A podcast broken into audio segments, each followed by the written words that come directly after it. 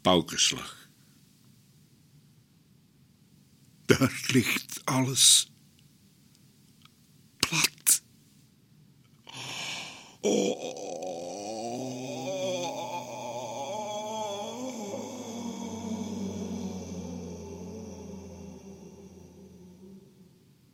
Weer razen violen, cellibassen, koperen triangel, trommels. Razen, redden, razen, razen, razen, razen, razen, razen, Ja, je hoorde natuurlijk de fantastische Jan de Cler.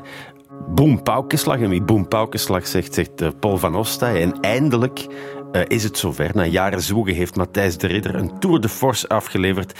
De biografie van een van onze grootste en meest swingende dichters eh, ligt in de winkel. Neem wel een rolkoffer of een winkelkarretje mee, want het ding telt zo'n 900 bladzijden. Matthijs, wanneer wist jij dat het zo'n knoert zou worden? Eh, eigenlijk helemaal aan het einde. Toen dat het, bleek dat ik het niet binnen de 600 en niet binnen de 700 en niet binnen de 800 pagina's kon houden. Toen wist ik het. Voorproevers. Paul van Ostaaien, daar eh, zitten we voor. Matthijs de Ridder. Eh, Paul van Ostaaien wordt natuurlijk onmiddellijk in verband gebracht met Antwerpen. Maar, eh, wat ik niet wist, zijn beide ouders waren uitgeweken Nederlanders. Wel, zijn vader was een uitgeweken Nederlander en zijn moeder kwam uit Belgisch Limburg. Ja. Eh, maar allebei inderdaad eh, ver weg van huis. Ja. Zijn moeder eigenlijk nog verder weg dan zijn vader. want Die komt uit Steenbergen in Noord-Brabant. En die ontmoeten elkaar in de jaren 70 van de 19e eeuw in Antwerpen. eh, In een periode waarin het eigenlijk helemaal niet zo goed gaat met Europa, met, met, de, met de economie. Eh, ze komen allemaal, allebei naar de grote stad om daar een beter leven te zoeken. En dat vinden ze eigenlijk Ja, ook wel. dat lukt Ja. vrij snel. Ja, inderdaad. Eh, De moeder van Van Ostaaij gaat schoonmaken bij een gefortuneerde eh, eh, beeldhouwer en schilder. Zijn vader die, komt uit een lang geslacht van loodgieters en ijzerbewerkers. En, Daar was behoefte aan. ja, dat, eh, in die periode had je dat nog misschien veel meer. Alhoewel, als je tegenwoordig heel rijk wil worden, moet je ook loodgieter worden.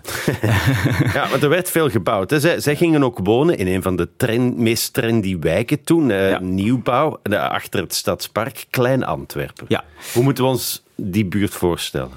Je had vroeger natuurlijk de Spaanse omwalling. En in de jaren 60 van de 19e eeuw wordt die afgebroken. En dan breidt de stad zich uit. Ehm, inderdaad, in de buurt van het Stadspark. En dat was toen een, een, een hele nieuwe wijk... waar mensen met heel veel geld hele grote huizen neerzetten. Maar er ook een hele nieuwe eh, ja, stroom van mensen met ambitie in het leven... Daar, zich juist daar gingen vestigen, want daar waren mogelijkheden. En daartussen vestigt eh, Hendrik van Ostaaij, zoals zijn vader heette... die vestigt zich daar als, eh, als loodgieter... Ehm, ook een beetje met het idee van, ja, de- de- de- Antwerpen ziet er daar wat, wat netter uit eh, dan, dan helemaal in het centrum. Eh, hij woonde aanvankelijk een beetje achter het stadhuis, waar ook al heel snel eh, Ja, dat de was bordelen- de schippersbuurt. Precies, en zo, ja. Ja, En dat, de, de nette Hendrik van Ostaaij, een goede katholiek, die, eh, vond, zich, eh, die vond dat allemaal maar niks eigenlijk. Dus die gaat in die nieuwe wijk eh, wonen en heeft dan al snel vrij veel succes. Hè. Begint er een, eh, eh, een gezin, hij, hij ontmoet dus Maria Engelen, zijn- de moeder van Van Ostaaij.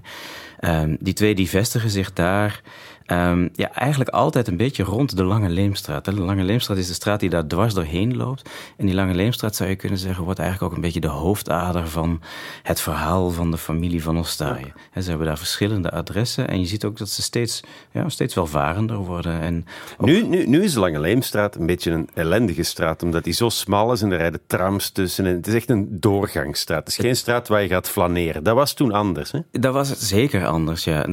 Nadeel toen was wel dat die tram er ook al was en dat er, en dat er kasseien lagen. Dus ik weet niet of het er toen heel veel... Maar eh, het was echt een, een bruisende winkelstraat. eh. en ja, er was ook zo'n beetje... eh, wat adel woonde daar bijvoorbeeld. Het was echt wel een straat waar je, waar je op stand woonde. En het, het mooie ook is dat Hendrik van Ostaaij moest en zou daar een huis... Hij heeft eigenlijk altijd huizen gehad in de, in, in- in de zijstraatjes daarvan. Hij moest en zou echt in die Lange Leemstraat wonen. En zo rond de geboorte van Van Ostaaij lukt het hem dan. Hij heeft dan een huis gekocht... Ehm, eh, en ja, en, en Van Ostaaij komt eh, eh, als, als zevende in het gezin komt hij, ter wereld. Echt een nakomertje. zijn, zijn, de broer die het dichtste bij hem zat, die was al negen jaar ouder. Maar het mooie is dat op het moment dat er gezinsuitbreiding komt in het gezin van Ostay, dan begint Hendrik van Ostay altijd ofwel een nieuw huis te kopen ofwel iets te verbouwen. En dat zie, dat zie je dan ook. er wordt een, een, nieuwe serre aan het huis gezet om de kleine Paul te verwelkomen. Mooi, ja. En als ik me niet vergis, heb jij in dat huis ook gewoond. Klopt, ja, ja. Ik heb een groot deel van het boek zelfs in dat huis geschreven. Ja. Helaas is het ondertussen verkocht en uh, woon ik er niet meer. Dat moet heel bijzonder zijn, toch? Ja, ja, nee, dat was. Ja, het grappige is als je daar dag in dag uit uh, woont, dan, dan ga je niet elke dag op zoek naar de geest van Paul van in dat huis. Maar op de een of andere manier hing die er nog wel. Of in ieder geval. Uh, heeft en ook als je documenten hebt, dan zijn dat toch misschien zelfs documenten die daar ooit al geweest zijn in dat huis. Uh, of niet? Dat weet ik niet. Ik heb het over die nieuwjaarsbrief van de ja, kleine. Die wel, ja, van, ja, ja, precies. Ja, precies. Ja, nee, nee, het, het boek opent inderdaad met de nieuwjaarsbrief van Paul van die die inderdaad heeft voorgelezen, moet hebben voorgelezen ergens in dat huis, bibberend uh, van de zenuwen waarschijnlijk. Want uh, ja, het grappige aan die brief is dat hij daar eigenlijk uh, al laat, laat blijken. Van, ik weet wel dat ik een nakomertje ben in het gezin. en het wordt hoog tijd dat ik ook de stap zet naar de geletterdheid. En dus wat fijn dat ik ook een briefje mag voorlezen. En beste ouders, ik zal zo goed mijn best doen. Dat is ja. een, mooi, een mooie scène. Inderdaad, in dat huis moet dat zich hebben afgespeeld. En hij is ook op die jonge leeftijd eigenlijk al bewust van inderdaad de letteren en van van de kracht van taal en van boeken en verhalen. Dat, is ook, dat was ook niet in ieder gezin het geval. Nee, en ik weet niet eens of dat heel veel met dat gezin te maken heeft, of dat dat echt het talent van uh, de jonge Paul is. Ik denk dat het eerder de laatste, mm -hmm. het laatste is. Maar hij heeft natuurlijk wel het voordeel dat hij een aantal veel oudere broers en zussen heeft. Altijd goed. Twee, ja. twee broers en één zus. Uh, en die zijn dus ja, negen en de oudste is al, al, al in de twintig op het moment dat hij die, die, die nieuwjaarsbrief voorleest. Um, dus die kunnen hem echt wel wegwijs Mhm. maken. Zijn, zijn oudste broer, die studeerde voor priester. Die kwam natuurlijk thuis met allerlei bijzonder... Stichtelijke... Ja, maar ook, ook tegelijkertijd echt bij- bijzonder mysterieuze teksten. Hè, waar, waar, waar de jonge Paul van Ostaaij waarschijnlijk niks van heeft begrepen. Maar hij was wel geïntrigeerd door dat soort van teksten. En Ja. zijn, zijn wat minder oude broer, Stan van Ostaaij... Ja, die, die was echt helemaal mee met de literatuur van de tijd. Dus die kwam binnen met Stijn Streuvels bijvoorbeeld. En op die manier raakt Van Ostaaij inderdaad al heel vroeg in contact met de letteren. Mhm. Er zijn geen opnames van zijn stem bewaard gebleven, maar we weten wel dat hij echt plat Antwerps praatte. Hij kon in ieder geval echt plat Antwerpen Ja. praten, inderdaad. Maar hij had natuurlijk ook Nederlandse familie. Dat is wat ik wil, waar ik naartoe wil. Want weten wij of het feit eh, dat hij uit een Nederlands gezin, of toch vanuit die Nederlandse invloed kwam, of, of dat een invloed gehad heeft op zijn gevoel voor taal? Ehm, ik- ja, ik denk het ergens wel. En dat, dat zie je af en toe. Er zijn een paar brieven waar hij eh, zegt van... ja, ehm, mijn Amsterdamse familie zou zeggen... en dan krijg je zo'n heel, heel, heel Nederlandse uit. Ah, ja. Maar dat is hem wel vreemd. Hè? Dus dat zou Ja. hij zelf nooit zeggen. Maar het grappige is dat je her en der in gedichten... wel, wel woorden tegenkomt... die ofwel uit het Limburgs komen, dus van zijn moeder... ofwel eerder uit het Nederlands lijken te komen. Mhm. Dus in Musical heb je bijvoorbeeld... en dan, dan, dan grijpt hij in de zak van zijn jas... maar hij noemt dat niet zijn jaszak, maar hij noemt dat zijn tes. En dat is echt, echt Limburgs woord. Ja. Eh, en aan de andere kant, als je in, in eh, Bezette Stad gaat kijken... dan is er op een gegeven moment het, het gedicht Lege Bioscoop... waar je in Vlaanderen eigenlijk eerder cinema zou zeggen. Ja, ja, ja, Ja, dus ja, dat, dat soort dingen zie je wel. Hè? Dus zijn, zijn taal wat dat betreft wellicht rijker. Ja. Wat ik heel interessant vond, was, was eh, ja, die, die interesse inderdaad voor boeken op een jonge leeftijd. Waar andere jongens over Pokémon en voetbal zouden te praten, stond hij met zijn vriend Jos eh, al snel op het schoolplein te discussiëren over wie er een betere schrijver was. Stijn Streuvels, de favoriet van Paul, of, of Willem Kloos. Ja. Ja, dat is raar dat die vrienden dan toch zo dwepen met de tachtigers en, en dat soort dingen. Ja, dat was natuurlijk de nieuwe literatuur van het moment. Eh, en zeker op, op die katholieke scholen waar zij zaten, werden ze ook niet echt ingewijd in de, in de nog modernere letteren. Die moesten ze echt zelf gaan opzoeken. Maar literatuur heeft op dat moment ook een beetje een andere functie dan dat we er vandaag aan geven. Vandaag is het ja, hoogcultureel, zou je kunnen zeggen. En, en voor het, eh, een ander deel is het, eh, maakt het deel uit van de bredere, onze bredere cultuurbeleving. Maar op dat moment ja, was literatuur eigenlijk ook De nog steeds... popcultuur van de tijd misschien. Ja, inderdaad. Dat Ja. was de popcultuur van de tijd. En, en tegelijkertijd was ook literatuur een, een uitingsvorm ja, in het Nederlands. En dat was heel erg belangrijk op dat moment, waarin het tweetalige België nog niet helemaal in elkaar zit zoals het vandaag in elkaar zit. En, en er aan Nederlandstalige cultuur, eh, die, die had nog best wel een, een, een stap te maken. Daar moest echt voor gevochten worden. Ja. Daar hebben we het straks uitgebreider over, want dat is een heel belangrijk deel van Zeker. je boek eigenlijk. Ehm, eh, ja, Paul eh, op dat moment dat hij op, op het college zit, schrijft zijn naam nog als POL trouwens. Ja. waarom eigenlijk? Hij heet officieel Leopold. En dat is ook wel weer grappig. Hij was dus de het zevende kind in het gezin. Er was dan een drieling en die is binnen een week eigenlijk overleden. Dus als je het verhaal bekijkt, dan zijn er eigenlijk vier kinderen, waarvan hij de jongste is.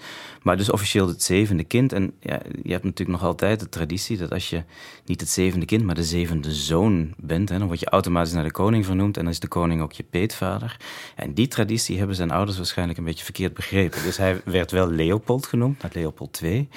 Ehm, ja, en dat was een naam waar hij het ja, steeds lastiger mee begon te krijgen. Maar eigenlijk zijn hele jeugd, tot en met het moment dat hij bedenkt van... oké, ik ga nu mezelf opnieuw voorstellen aan de wereld als dichter...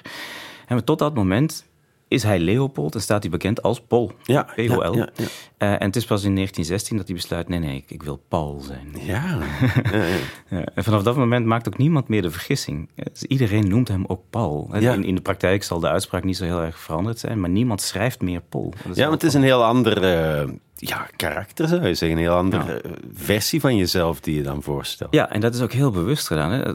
De, momenten waarop hij ook uh, zin speelt op zijn eigen naam, dan is dat heel duidelijk niet uh, de variant op de naam van de koning, maar is dat een variant op uh, de heilige Paulus uit de Bijbel. Hè? Dus de, de man die ooit Saulus heette, van zijn paard werd gebliksemd en dan ineens als volgeling van Jezus verder door het leven gaat. Ja.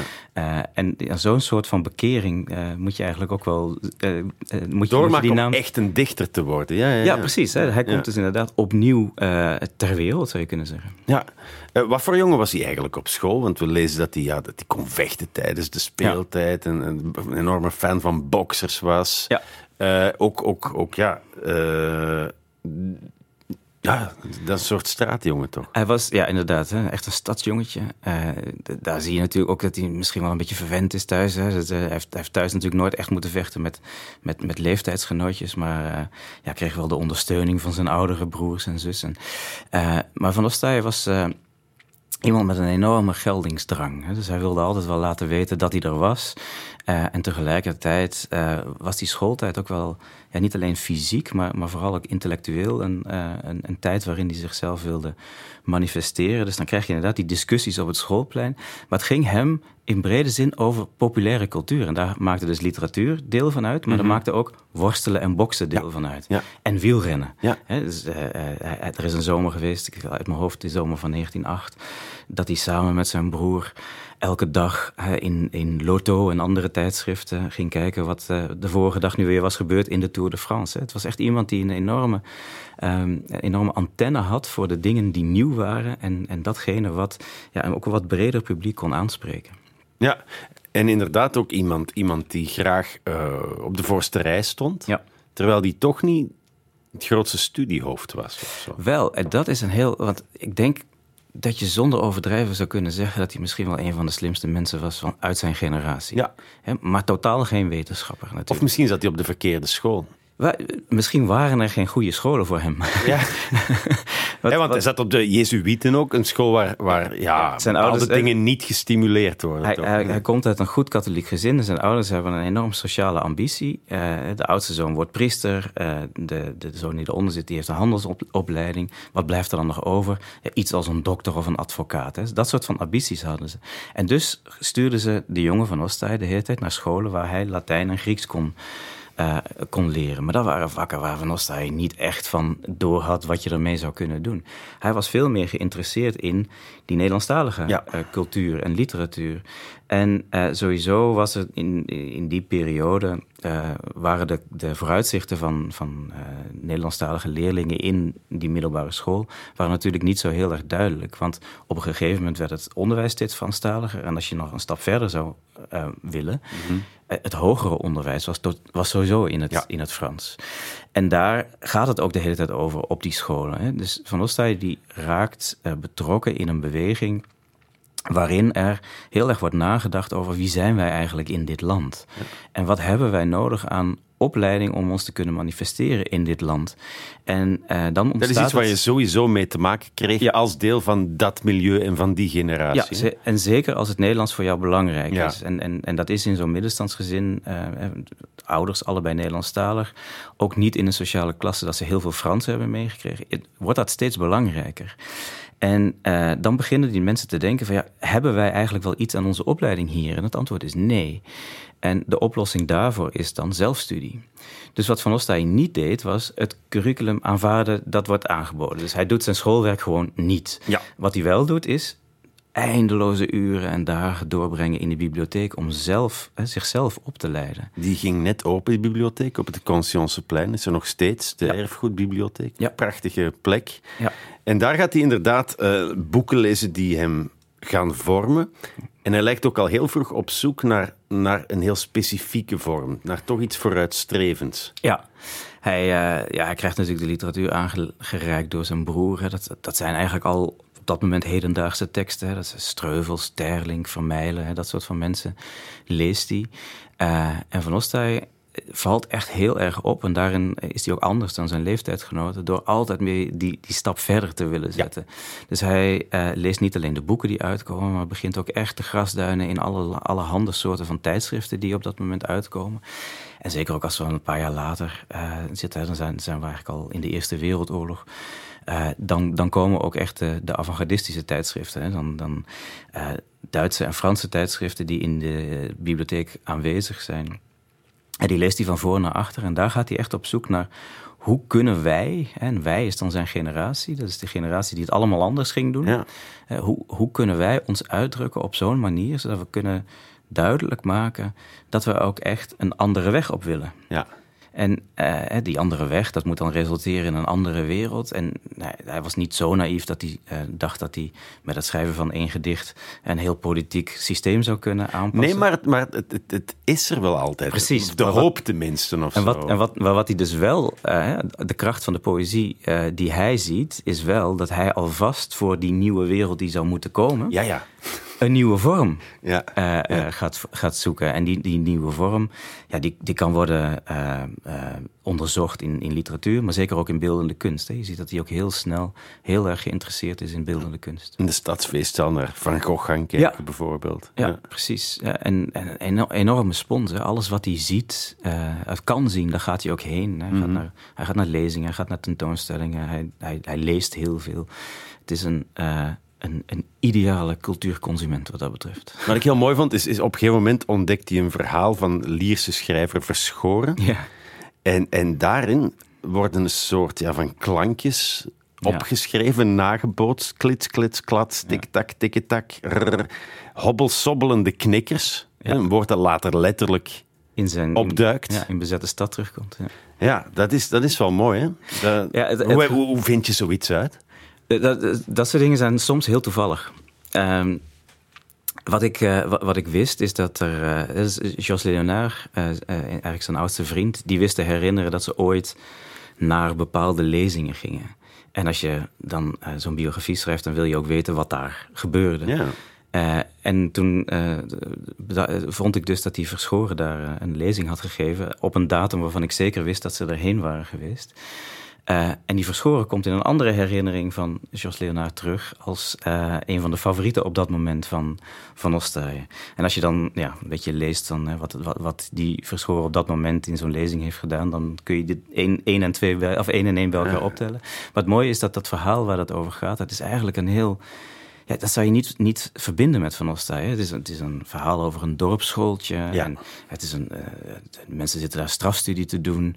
En op een gegeven moment zit dan uh, de, de, de slechtste van alle slechte leerlingen... die, die denkt van... Op zich geen avant-garde nee, werkstuk. Nee. Die, laten we hier nog wat keet trappen. Dus die gooit wat knikkers door de ruimte. En die worden dan heel klankrijk beschreven. En dan zie je wat er gebeurt in het hoofd van Van Ostaaij. Het zijn die klanken die hem heel erg interesseren... en die dan ook jaren en jaren in zijn hoofd blijven zitten...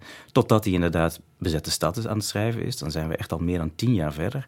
hij zit in Berlijn en hij heeft een klankrijk woord nodig. En dan komt dat hobbelsobbelende komt in Ja. deze weer Ja. boven. Ja. Dat is prachtig, hè? dat is een soort van literair Ja. Precies dat moment weten te vinden wanneer Kan, het kan je niet aanraden om er echt naar op zoek te gaan. Je moet het vinden. Paul van Ostaaien groeit op in een tijd waarin het Nederlands eh, moet vechten voor zijn bestaansrecht, zou je Ja. kunnen zeggen.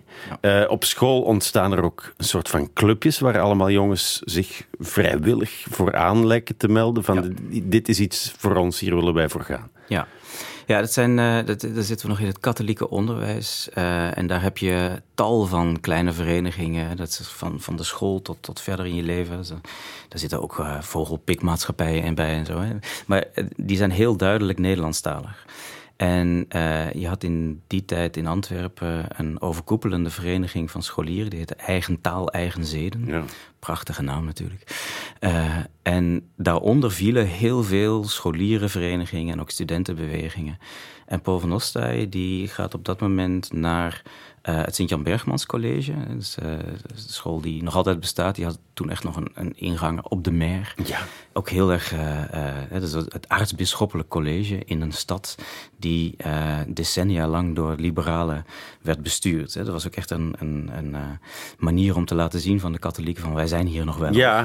Tegen- Ja, ja, ja, tegenover de ingang van de handelsbeurs. Nou, op die school zit Van Ostaaien dus, ook niet toevallig. Hè. Zijn ouders hebben hem daar neergezet.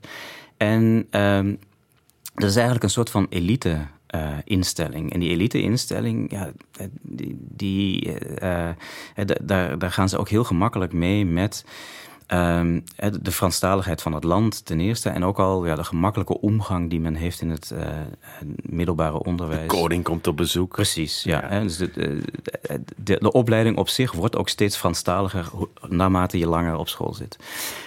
En op die school eh, richt Van Ostaaien, dus hij meldt zich eerst aan bij dat eigen taal, eigen zeden, en richt dan een kleine culturele vereniging op, een afdeling van eigen taal, eigen zeden, en dat heet dan de Sint-Jans afdeling. En die Sint-Jans afdeling, ja, daar wordt hij deken van, de, prachtige naam voor een voorzitter. En wat doen ze dan? Ja, ze komen elke zondag bij elkaar. Een aantal jongens, het waren jongensscholen nog. Eh, en zij lezen elkaar dan voor uit Gezelle, Rodenbach, Conscience. Dat gebeurde op heel veel plekken. Maar het interessante voor het verhaal van Van Ostaaij is dat hij daar heel waarschijnlijk ook al zijn eigen eerste verhalen aan het voorlezen was. En die verhalen zijn helaas niet bewaard gebleven. Ik heb er echt lang naar gezocht en niet gevonden. Ehm, maar het is mooi om te zien dat Van Ostaaij op ja, 11, 12, 13-jarige leeftijd... Hè, dus al een stapje verder was. Hij was niet alleen maar eh, zijn leeftijdsgenoten aan het voorlezen uit die Vlaamse letteren. Nee, hij was zelf ook al verhalen aan het schrijven. Ja. En ehm, ja, dat zijn hele belangrijke eh, eerste stappen op weg naar wat hij later zou doen. Omdat je hier ziet dat eh, mensen in ieder geval bewust worden gemaakt van het feit dat dat Nederlands toch nog eh, een wat andere positie had dan het Frans. hè. Dus de, de, de medeleerlingen die van, van huis uit Franstalig waren, vaak ook uit een wat betere klasse kwamen, ja, die namen ook heel vanzelfsprekend een bepaalde cultuur met zich mee. Ja. Hè. Allerlei muziek en literatuur en er waren piano's thuis. dat Alles was er al, terwijl Ja. hier alles nog moest uitgevonden worden. deze mensen moesten het echt verwerven. Die gingen op zoek naar hun eigen cultuur. En dat gebeurde dus op die manier. Het lezen van, eh, laten we zeggen, de highlights uit de Vlaamse literatuur. Mhm. Maar dus ook het maken van eigen verhalen. Ja, want hij hing ook rond met mensen die later dan echt bekend zijn geworden als... Ja, Ja, eh, in de Vlaamse beweging. Hè. Dus mensen als Stan Leurs bijvoorbeeld. Hè. Dat is misschien dan niet een naam die eh, alle luisteraars meteen zullen... maar dat is een van de oprichters van hè, wat later de eh, VTB Toeristenbond is geworden. En die, die, die meldde zich dus ook aan bij die Sint-Jans afdeling... en begon daar zijn eerste lezingen te houden. Op dat moment geloof ik nog over architectuur. Maar je ziet dus wat, wat voor soort van kraamkamer dat is geweest. ja. Ehm, nu, hij, hij schrijft zelfs voor kranten af en toe uitgesproken eh, ja, Vlaamsgezinde gedichten. Ja. Gedichten voor de zaak, zeg maar. Ge- Gebruiksgedichten zou je Ja, bijna kunnen zeggen. Zeker. Ja, nee, je, hebt, je hebt in dat oeuvre van Van Osta een aantal gedichten waarvan je je niet zou kunnen voorstellen dat hij die ooit zou hebben eh, opgenomen in een bundel. Nee. Maar die eh, inderdaad moesten functioneren in die tijdschriften. En dan gaat het inderdaad echt voor de zaak. Hè. Dus hij, hij roept zijn mede, zijn, zijn leeftijdsgenoten op om eh, eh, zich in te spannen voor bepaalde verenigingen bijvoorbeeld. Hm, maar eh, al snel merk je dat dat toch niet echt zijn ding is. Dat is een belangrijke strijd, maar dat is niet uh, zeker niet voor zijn schrijverschap, Nee. de essentie. Nee, hij, Hij zoekt wil, iets anders? Hij, hij wil in ieder geval zijn schrijverschap daar niet 100% voor inzetten. Ja. En, en- en hij, ziet ook zelf wel dat in het, in het verleden van die hè, Vlaamse literatuur een aantal eh, schrijvers dat wel hebben gedaan. En dat zijn de schrijvers die niet zijn overgebleven, hè, dus die, die niet meer gelezen worden. Ehm, en Van Ostaaij die eh, schrijft een aantal keer bijna vermoeid over het feit dat het nog altijd nodig is om dat Nederlands zo eh, te promoten. Hij Ja. vindt dat eigenlijk Vanzelfsprekend. Het zou vanzelfsprekend het zou moeten vanzelfsprekend zijn. moeten zijn. In zijn hoofd is het een gepasseerd station. Maar het is nog geen gepasseerd station. En dat zie je hem een paar keer, Mm. eh, zie je hem een paar keer eigenlijk ja, bijna eh, wanhopig eh, schrijven. Maar ondertussen roept hij natuurlijk wel weer hè, zijn, zijn medestanders en zijn leeftijdsgenoten op van kom, hè, nog één laatste, laatste inspanning en dan zijn, dan zijn we er. Maar tegelijkertijd laten we niet vergeten om goede literatuur te maken. Ja. Dat was het belangrijkste. Ja. En zij waar deze tijd om vraagt, is activistische poë- poëzie wel. Hè, gedichten die concreet de werkelijkheid willen veranderen. Ja, en dat gaat natuurlijk op twee manieren. Dan, dan is de Eerste Wereldoorlog al uitgebroken. En dat activisme, dat is natuurlijk ja, een term die je politiek kunt gebruiken en die je literair kunt gebruiken. Politiek gaat het dan over de eh, medewerking, bereidheid met de Duitse bezetter. Eh, en literair gesproken gaat het dan over eh, literatuur die inderdaad concreet in de samenleving iets wil veranderen. En dat, dat idee had Van Ostaaij natuurlijk wel, hè, dat, dat kunst en literatuur daartoe in staat waren. Dus als hij eh, tijdens de Eerste Wereldoorlog inderdaad gaat schrijven over een nieuwe maatschappij, dan mag je dat heel letterlijk Ja. nemen. Hè. Die nieuwe maatschappij, dat is echt een, een toekomstbeeld waar Van Ostaaij graag naartoe zou werken. Eh, met behulp van zijn literatuur. Dus als hij een moderne wereld neerzet, dan is dat eigenlijk een soort van eindpunt. Hè? Of, Ja. of een soort van mikpunt waar, eh, waar zijn generatie heen moet. En hij ziet het ook wel als soort van kunst, als soort overkoepelend ding die lands, dat landsgrenzen overstijgt. Ja. Een soort nieuw internationalisme. Ja, zeker. Ja. Vanuit de kunst eigenlijk. Hè? Ja, inderdaad. Eh, het was het idee dat, dat eh, er zijn natuurlijk politieke ideeën in omloop. Eh, het overkoepelende idee daarvan is dat eh, die 19e eeuw ondertussen wel lang genoeg heeft geduurd. Het, het systeem van koningen, hertogen, eh, keizers, dat Kerk. soort van kerk, Ja. dat soort eh, instellingen die eh, eh, meer dan hon- of die honderden jaren ondertussen eh, de macht hebben gehad. Eh, is, zich, is, aan het bewijzen dat dat allemaal niet werkt. Dat is de Eerste Wereldoorlog. Dat komt allemaal met één grote explosie. eh, knalt dat uit elkaar. En Van Ostaaij en een heel aantal andere mensen eh, eh, redeneren van... kijk, die Eerste Wereldoorlog, dat is het slotakkoord. En na dat slotakkoord gaan wij opnieuw beginnen. En dat opnieuw beginnen, dat is een begin dat we niet meer eh, onder de kerk moeten laten plaatsvinden. Nee, dat moet juist over de landsgrenzen Ja, heen. Hè. We moeten de, de jonge generaties van alle landen in Europa moeten we zien te verenigen en achter datzelfde idee eh geschaard krijgen. Waanzinnig dat hij daar op dat ogenblik al mee bezig is. Want, want de Eerste Wereldoorlog eh, is net begonnen. Oké, we zijn niet in de Westhoek of niet in Noord-Frankrijk, maar toch Ja. komt die eh, beangstigend dichtbij. Ja, en voor, voor Van Ostaaij zeker. Hè. Zijn, zijn broer zit aan het front. Hij was zelf niet oud genoeg om opgeroepen te worden. Maar hij werkte op het stadhuis in Antwerpen. Eh, op een dienst die zich bezighield met de beveiliging van de stad. Hij was eigenlijk ook de enige ambtenaar die precies wist waar eh, elke soldaat precies heen moest. eh, die in Antwerpen werd opgeroepen. Dus hij zat er echt middenin. En, ehm, maar hij leest ondertussen natuurlijk ook die tijdschriften. En, die, in, in, in die, die tijdschriften die hij leest, dat zijn avant-gardistische tijdschriften waar mensen ook naar voren aan het kijken zijn. Hè. Dat zijn mensen die ook niet gelukkig zijn met die ja, complete ravage die ondertussen aan het ontstaan is in de loopgraven. Dus je hebt overal in Europa heb je vooruitstrevende eh, clubjes, meestal ook artistiek eh, geïnspireerde mensen, die gaan nadenken over hoe kunnen we dit allemaal anders doen. Nu, heel groot deel idealisme is daar natuurlijk mee eh, gemoeid. Eh, maar ook geloof in het feit dat je de mensen anders kunt laten kijken ten eerste, maar ook anders kunt laten denken. En daarvoor is die kunst zo belangrijk. hè. Ze dachten echt eh, dat als zij ja, een nieuwe eh, esthetiek, een nieuwe schoonheid in de wereld zouden Dat eh, daaruit een nieuwe ethiek zou vloeien. dat daar inderdaad een nieuwe ethiek uit zou vloeien. En Van Ostaaij ging nog één stapje verder. Hij dacht zelfs dat er een heel ander begrip van het leven kon worden eh, geïntroduceerd. En hij was dan wel zo eh, bescheiden om te zeggen dat hij dat zelf nog niet kon overzien. Hè. Hij kon, het, is, het is bijna alsof je vanuit de derde dimensie naar de vierde dimensie kijkt. En hij zegt dan van ja, die vierde dimensie, daar moeten we heen. Maar ik weet ook niet hoe die eruit ziet. Dus dat is een tocht die we gezamenlijk moeten ondernemen. Ja. De oorlog woedt. Dat is natuurlijk eh, een, een, heel stresserende tijd, maar tegelijkertijd is het ook een heel opwindende tijd, ook in het uitgaansleven. Hè? Ja. Uh, daar kun je vertier vinden, uh, modern vertier ook, cinema's, dancehalls. Ja. Een woord dat we natuurlijk met, met Van Oosteyen associëren. Hoe zag die uitgaansscene er op dat ogenblik uit? Het, het, het, grappige is dat uh, die, die, echte moderne uitgaansscene... die komt eigenlijk tot stand vlak voor de Eerste Wereldoorlog. Hè. De, de, de, cinema breekt door in 1913 met een aantal echt invloedrijke uh, films. Ook voor, het, uh, voor de biografie van Van Ostaaien. Dat zijn eigenlijk ja, een soort van superboevenfilms. Van Thomas. Ja, Van Thomas en uh, Chéri Bibi. Uh, ja, Nogal een prachtige titel.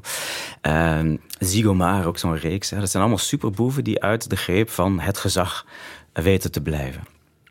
Die, die films die staan nog op het netvlies van Van Ostaaien gebrand als dan die Eerste Wereldoorlog uitbreekt.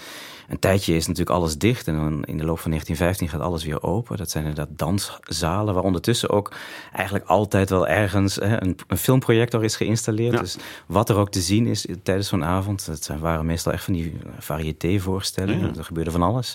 Een, een acrobaat kon worden afgewisseld met een danseres en vervolgens een uh, komiek. En dan was er een film en dan was er een beetje muziek en dan was er weer een film. Hè. Zo zaten die avonden een beetje in elkaar.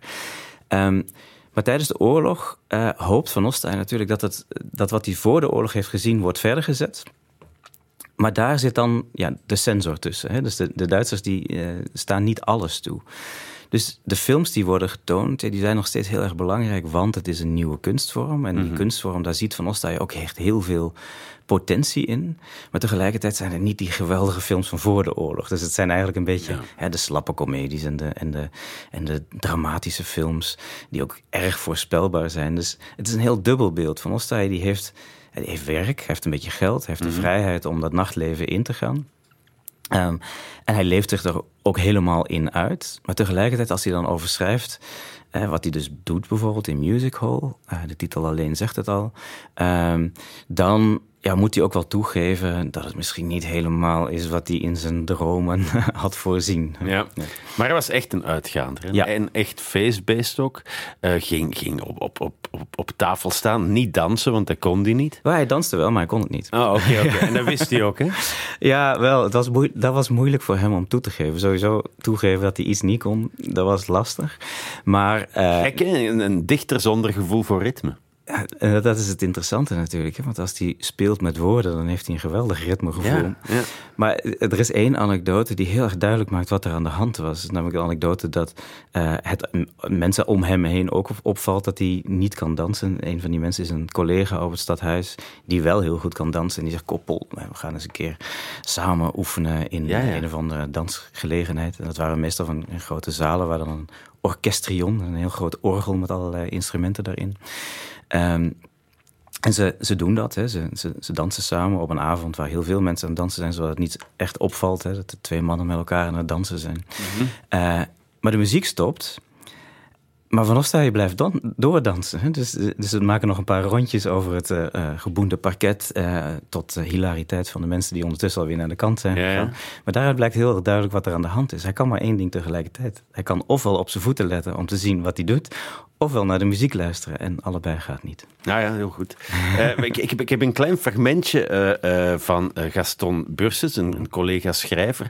Die hing vaak rond in Varenkamp, een café op de, de Keizerlei. Is er nog steeds, kun je naar gaan kijken. Nog steeds, denk ik, jaren twintig lettertypen op de gevel. Ja.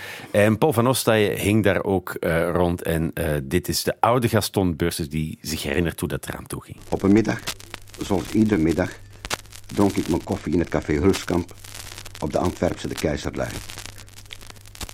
Toen ik wegging en aan de deur stond, klopte iemand op mijn schouder en dat was Van Ostaaien. Hij vroeg mij nog een paar minuten te blijven. Hij had mijn boekje gelezen en wilde er met mij over praten.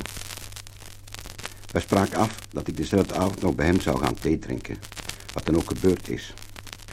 We hebben toen drie uur lang over onze eigen poëzie gesproken maar, zei toen Van Ostaaien, dat is de eerste, maar ook de laatste maal.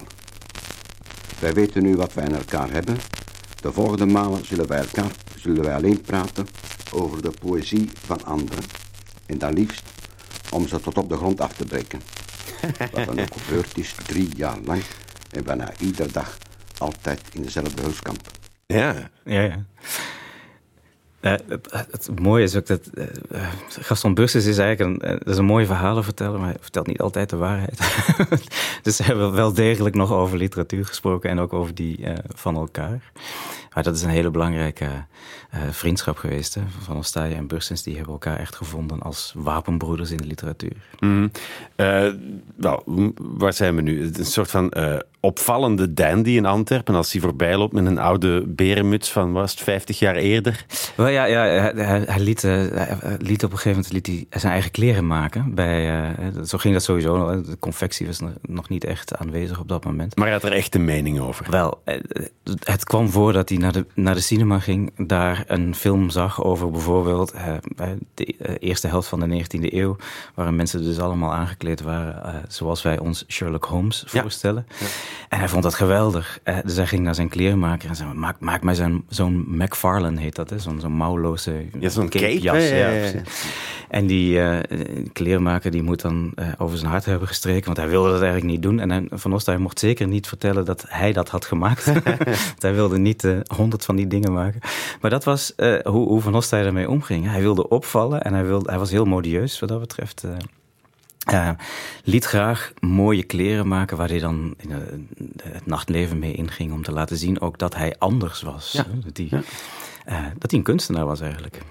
En uh, langzaamaan beginnen mensen hem niet alleen aan zijn, zijn rare berenmuts te herkennen, maar ook omdat hij Music Hall heeft uitgegeven. En dat heeft toch echt wel een soort schokgolf veroorzaakt. Hè? Waarom ja. was dat zo'n belangrijk feit? Wel, er verscheen bijna niks natuurlijk. Het was, het was oorlog. Uh, er waren wel wat uitgeverijen die nog bezig waren. Maar ja, de beslissing om uh, een boek uit te geven... om daar dan het dure papier op dat moment aan uh, nou, te verspillen... is misschien een te groot woord. Maar dat, dat, dat waren beslissingen die je niet zomaar nam. En Van Ostaaij heeft het dus ook zelf gedaan. Zijn eerste boek heeft hij zelf uitgegeven. Hij is naar een drukker gegaan. Hij heeft gezegd van, dit, dit, is mijn bundel. Ik, ben er dit en dat mee van plan. Dus het is een, eigenlijk een uitgave in eigen beheer. En ja, het viel op omdat er heel weinig was dat uitkwam. Maar het viel natuurlijk ook op omdat die poëzie totaal anders was dan alles wat daarvoor was uh, verschenen. Hè. Om gewoon maar even een heel um, opvallend element daaruit te noemen ja, poëzie tot en met 1916 speelt zich eigenlijk bijna alleen maar af op het platteland. Ja. En dan komt Paul van eraan met een bundel die alleen al Music Hall heet. En vervolgens ook voor, nou, laten we zeggen, twee derde zich afspeelt in de stad. Het was een heel duidelijke ingreep. Ook een heel duidelijk uh, idee van we gaan de poëzie vernieuwen. Hoe doen we dat? Ja, we halen die poëzie naar de stad. En tegelijkertijd ja, is poëzie op dat moment ook nog heel erg uh, onderhevig aan regeltjes. Hè. Alles moet rijmen, het ritme is heel Juiste metrum. Precies, ja, ja, En wat doet Van Ostaaij? Ja, hij rijmt als het hem uitkomt. En dat metrum, dat zet hij naar zijn hand ook uh, hoe het uitkomt. Hè. Dus Van Ostaaij is veel vrijer. En dat valt op. Het valt natuurlijk niet alleen in positieve zin op. Want er zijn ook heel veel mensen die zeggen van... dit ja. is geen poëzie, want ja, dit en dit en dit is allemaal niet aanwezig. Um, maar op die manier valt hij wel heel erg op. Zeker onder zijn eigen uh, leeftijdsgenoten. Hè. Dus mensen die ook zijn opgegroeid in die, uh, in die, die, middelbare scholen... waar die literatuur zo belangrijk was. Uh, hij was sowieso een bekende figuur in Antwerpen. en ja, mensen hebben wel gezien dat hij een bundel heeft uitgegeven. Mm -hmm. En die bundel is, um, nou, laten we zeggen, dat is geen enorm verkoopsucces geworden, maar is wel verspreid geraakt. Hè? Ja. Mensen wisten hoe die er ook uitzag. Ja, Want dat was ook bijzonder, hè? Die, het boek bedoel je? Ja. ja de, het eerste boek is, uh, is nog heel erg braaf uitgegeven eigenlijk. Dat is pas later dat dus, hij met de gebroeders Jespers aan precies, de slag ja, gaat. Ja, ja, ja. Dus de, de musical in 1916, echt het begin daarvan. Maar dan begint hij ook echt serieus te praten met de kunstenaars om, om hem heen. Als we dan twee jaar later zijn, het signaal. Dan heeft hij ook vormelijk hele duidelijke ideeën uh, over hoe een uh, moderne dichtbundel eruit zou moeten zien. Dus dan vraagt hij inderdaad aan, ja, eerst aan Paul Joostes, vervolgens aan Floris Jespers om het uh, omslag te maken. Mm -hmm. En ja, dan is er ook geen twijfel meer mogelijk. Hè? Als je die bundel vastpakt, dan weet je, ja, dit is een expressionistische bundel. Ja, want uh, beeld en tekst dragen evenzeer die radicale vernieuwingsdrang uit. Ja, absoluut. In, in, uh, uh, Van Ostay is op dat moment al echt bezig ook met het ontwikkelen van een, een theorie over hoe uh, die moderne kunst dan zou moeten functioneren. En wat, wat schilders ook aan het doen zijn op het moment dat ze niet meer de werkelijkheid afbeelden. Want dat is natuurlijk de grote revolutie in de beeldende kunsten geweest. Hè. Het is niet meer een landschapje dat wordt geschilderd. Nee, het zijn soms gewoon abstracte ja. vlakken. Ja. Hè. Dingen die op dat ogenblik in Duitsland ook heel vaak ja. gebeurde. Der Sturm was een, was een gezelschap dat ermee bezig was. Zometeen uh, uh, gaan we het hebben over, over die stad Berlijn, mm-hmm. want hij wil daarbij zijn. Hè? Ja, hij ziet van alles gebeuren in tijdschriften. En, en ook dat moet je weer uh, proberen voor te stellen. Hè. Dus dat is in de Stadsbibliotheek in Antwerpen, heel vaak in zwart-wit. Terwijl het gaat over kleur, het gaat over uitbundigheid. Dus er is heel veel verbeelding voor nodig voor uh, de jongen van Osta. Maar hij ziet wel gelijk wat daar aan de hand is. Uh, de natuurgetrouwe afbeelding van de wereld wordt losgelaten. En wat komt daarvoor in de plaats? Ja, dat is ja, een vrije expressie. En op dat is op zich al heel erg belangrijk. Maar het is dus ook een nieuwe vormgeving. Dat begint helemaal bij nul. Want er is geen werkelijkheid waar je je op zou kunnen baseren. Dus wat doen die schilders? Die maken een totaal nieuwe constructie van iets waar nog een verhaal bij moet worden bedacht. En Van Ostay is er als de kippen bij om dat verhaal te bedenken. Achtung, Achtung, hier is Berlin Boxhaus. Sie hören als nächstes die Kapelle Bernarete. Die bringt Ihnen einen Foxtrot zu Gehör, wenn die Westband Paul van Ostay gaat samen met zijn vrouw uh, Emmeke, die hij tijdens de oorlog ontmoet heeft, uh, gaan ze samen uh, naar Berlijn. Paul, een klein beetje omdat het moet. Ja. Ja, zeker omdat het moet. Tenminste, hij had ook kunnen blijven, maar dan was hij de gevangenis ingegaan. Ja, hij had in 1917 de kardinaal, kardinaal Mercier, uitgefloten. En hij viel nogal op, vooral ook omdat hij die dag een, een felgele broek had aangetrokken. Kijk, dat is dan niet handig, ja. en hij, hij werd opgepakt, veroordeeld tot drie maanden celstraf. Tegelijkertijd wist hij ook wel dat hij zich nog zou moeten verantwoorden voor al die stukken en gedichten die hij had gepubliceerd in tijdschriften die door de Duitsers werden toegestaan of zelfs gefinancierd. Um, en Emmeke uh, had her en der wel eens een avond beleefd met een Duitse officier, dus die had ook wel redenen om uh, te vertrekken. Dus samen gaan zij uh, naar Duitsland. Ehm, maar normaal gesproken zouden mensen in hun uh, positie uh, netjes worden gebracht naar een kuuroord. Naar ja. Bad heette dat. Um, daar gebeurde in de winter niet zo heel veel, dus daar konden ze die activisten wel heen brengen.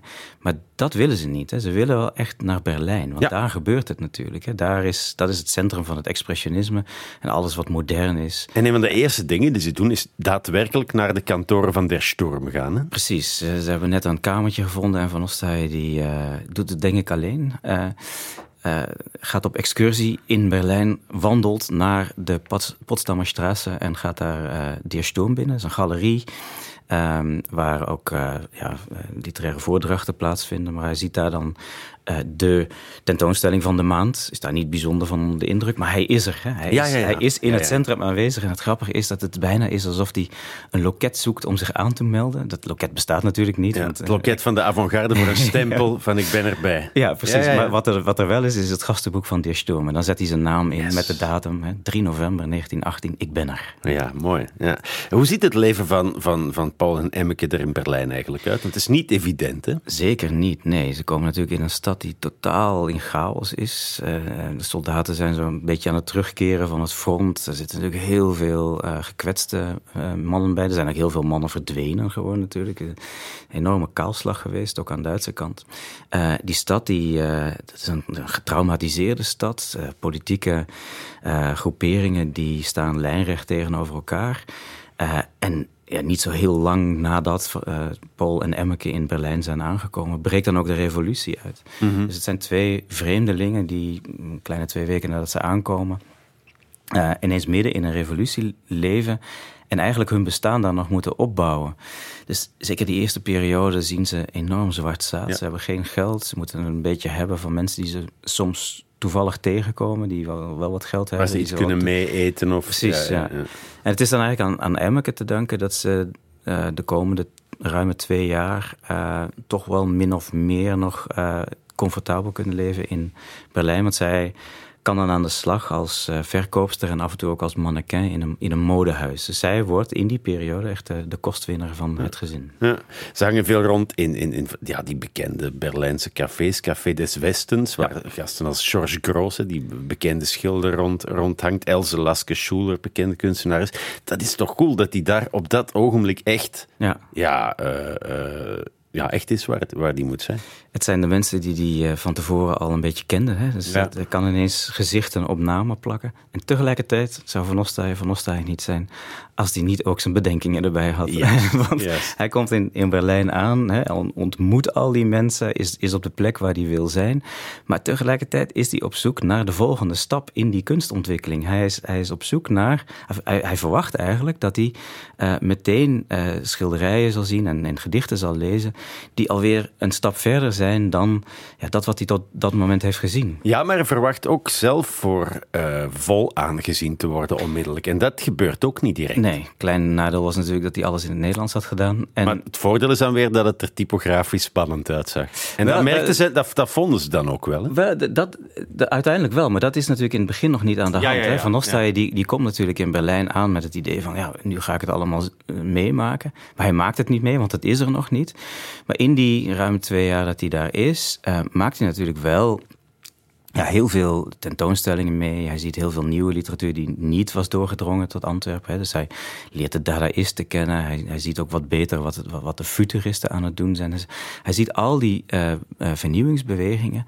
En in zijn zoektocht naar die volgende stap, ja, komt hij uiteindelijk tot het besef van, ja, ik, ik, ik ben misschien wel het verkeerde aan het bedenken. Hè? Er is niet één nieuwe volgende stap die er is. Nee, als wij nu iets zouden willen zeggen over de staat van de wereld waarin wij ons nu bevinden, dan moeten we eigenlijk laten zien ja, hoe kapot die wereld is. En mhm. dan neemt hij eigenlijk al die invloeden mee, dus Dada, expressionisme, cubisme, futurisme, neemt hij allemaal mee in een nieuw project. Dat is dan Bezette, Stad. stad. Ja, ja. En daarin gaat hij natuurlijk heel, heel ver in het toepassen van uh, een, een, hele nieuwe typografie waarmee die laat zien van ja, kijk, die wereld is kapot en wat moeten we met, onze poëzie doen? Ja, die is ook kapot. Mhm. en dat is wat de kiem daarvoor is gelegd in Berlijn, ja. maar de uiteindelijke uitwerking en vormgeving gebeurt gewoon weer in Antwerpen. Hè? Ja, het gebeurt in Antwerpen. Ik zou niet zeggen gewoon weer, want Van Ostij is nog in Berlijn. Dus het is heel erg heel ingewikkeld. Erg ingewikkeld om Geen e-mail. Nee, en dus, dus de, de manuscripten hè, die hij helemaal heeft uitgetekend, die gaan naar Antwerpen. Die moeten vervolgens ja, zo getrouw mogelijk worden omgezet in, in drukletters. Uh, dan zou dan eigenlijk nog drukproeven van moeten worden gemaakt. En op een gegeven moment uh, is, is Van Ostijn aan het rekenen. Als dat allemaal heen en weer moet, dan is mijn boek er pas over anderhalf jaar. Ik, heb, ik zie het eigenlijk niet meer zitten. En dan is er gelukkig Oscar Jespers, ja. de beeldhouwer, maar in dat geval eh, de typograaf van het boek. Die zegt, Paul, weet je wat we doen? We sturen geen drukproeven. Ik ga dat boek maken. En jij moet er maar gewoon op vertrouwen dat het goed komt. En dat deed het. En dat gebeurde. Ja, even luisteren. Uh, uh, ik denk dat dit Oscar Jespers is. Ik heb die oudblokjes gestoken. Speciale letters gemaakt. De oudgravuren van bezette stad. En dan werden die pagina's voorlopig getrokken. Paul was die tijd in Berlijn. Opgezonden naar Berlijn. Hij, beantwoord, hij liet weten of hij het akkoord was. Een letter stond te dik, een letter moest dunner gedrukt worden, maar dat was moeilijk, moeilijk. En dan werden die platen herzien, opnieuw naar Berlijn gezonden, tot we eindelijk een deel hadden dat dat dan definitief getrokken werd. Ja, er komt ineens heel dichtbij. Hè? Ja, ja, ja. Ja, dat is prachtig als je ook, eh, we hebben dat handschrift nog niet zo heel erg lang nu in openbaar bezit. En als je dat ook echt van dichtbij ziet, dan, dan zie je ook eh, wat voor huisvlijt daar eigenlijk in gekropen is. Ja. Nu, eh, Berlijn blijkt een te harde noot om te kraken. Hij komt terug, ook zijn huwelijk met Emmeke overleeft Berlijn eigenlijk niet. Ja, ze waren niet echt getrouwd, maar in ieder geval die relatie die strand. Hè. Ehm, ja, deels omdat Van Ostaaien natuurlijk, uh, hij was monomaan bezig met zijn artistieke carrière, heeft daar ook nooit enige. Uh, heeft dat nooit naast zich neer willen leggen.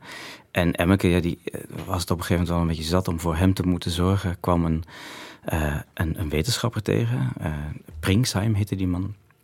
En ja, die stelde voor van ja, als je, als je met mij wilt trouwen, dan ik, ik, kan je, ik kan je een prachtig en comfortabel leven bieden. En daar is hij eerst niet, niet echt op ingegaan, maar toch ook niet helemaal niet. En ja, ja, ja. zat er een beetje naar te kijken en dacht van, weet je wat, het is genoeg geweest. Ik, ik ben weg. Ja. Ga terug naar Antwerpen. Ja. Waar... Uh, ja, dat een extreem radicale werkstuk bezette stad een klein beetje lauw onthaald wordt, begreep ik uit jouw boek. Ja, meer dan een klein beetje lauw. Hè. Sommige mensen begrijpen wel ongeveer wat hij wilde doen, maar Van Ostay was natuurlijk ook niet zo handig in het onderhouden van zijn vriendschappen, omdat hij altijd het uiterste eiste van iedereen. Dus hij had bijvoorbeeld Jos Leonaro wel eens gezegd van ja, je bent een tekenaar en een schilder, je moet je niet bezighouden met de derde dimensie.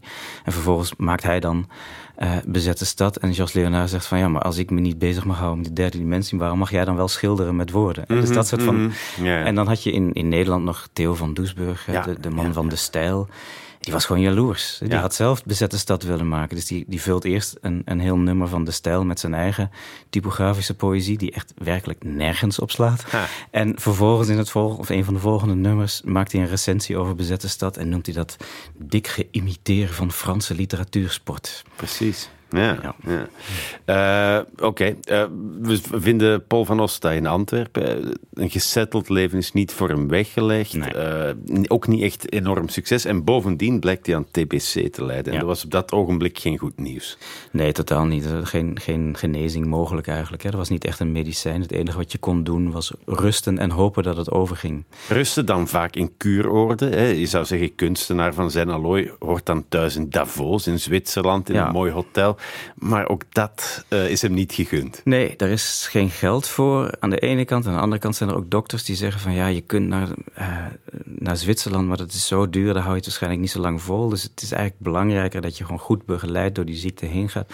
Ga maar naar de Ardennen. Ga maar naar het kleine dorpje Miavois. Ja. Daar is dokter Berard, die heeft een klein sanatorium. Daar kun je veel beter terecht. En dat gaat hij dan ook doen. Hè. In, uh, in september 1927 gaat hij daarheen in de volle overtuiging dat hij daar misschien een maandje, misschien twee maanden mhm. zou zijn. En dan zou hij genoeg aangesterkt zijn om weer terug te gaan.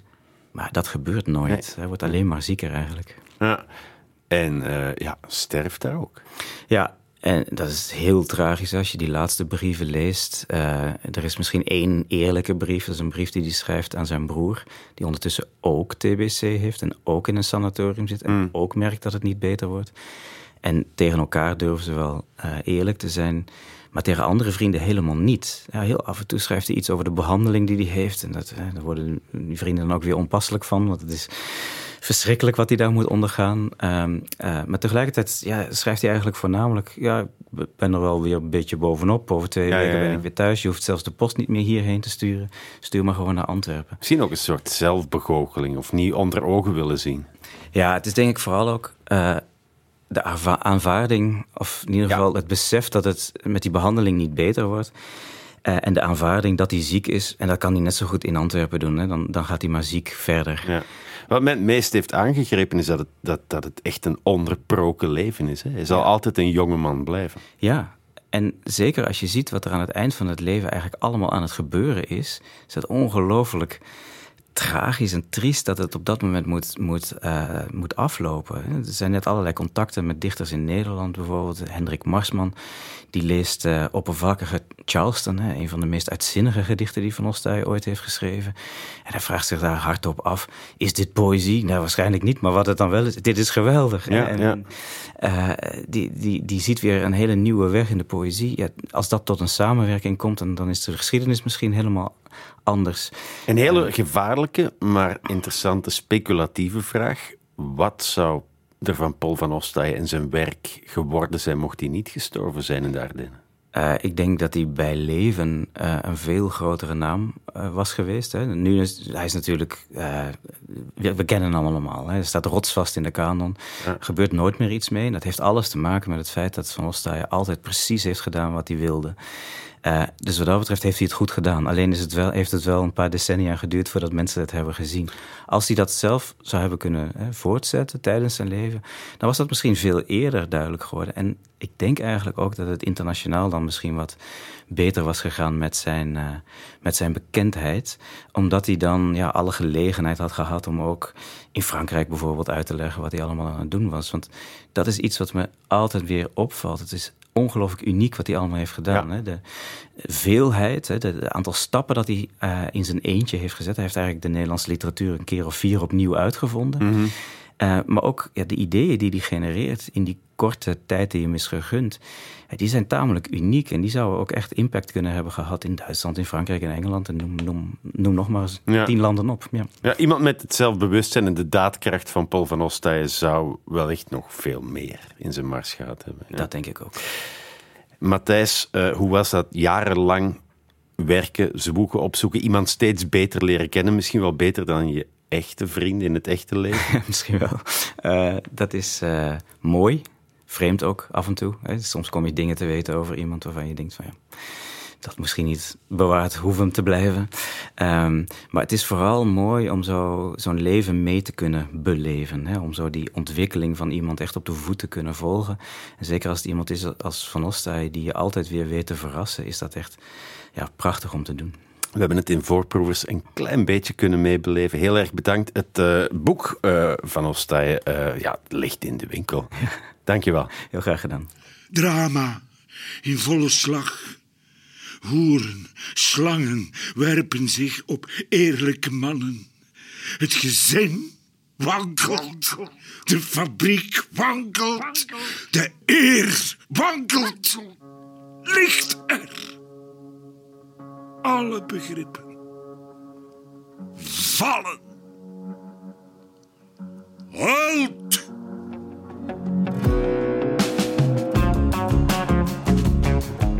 Voorproevers.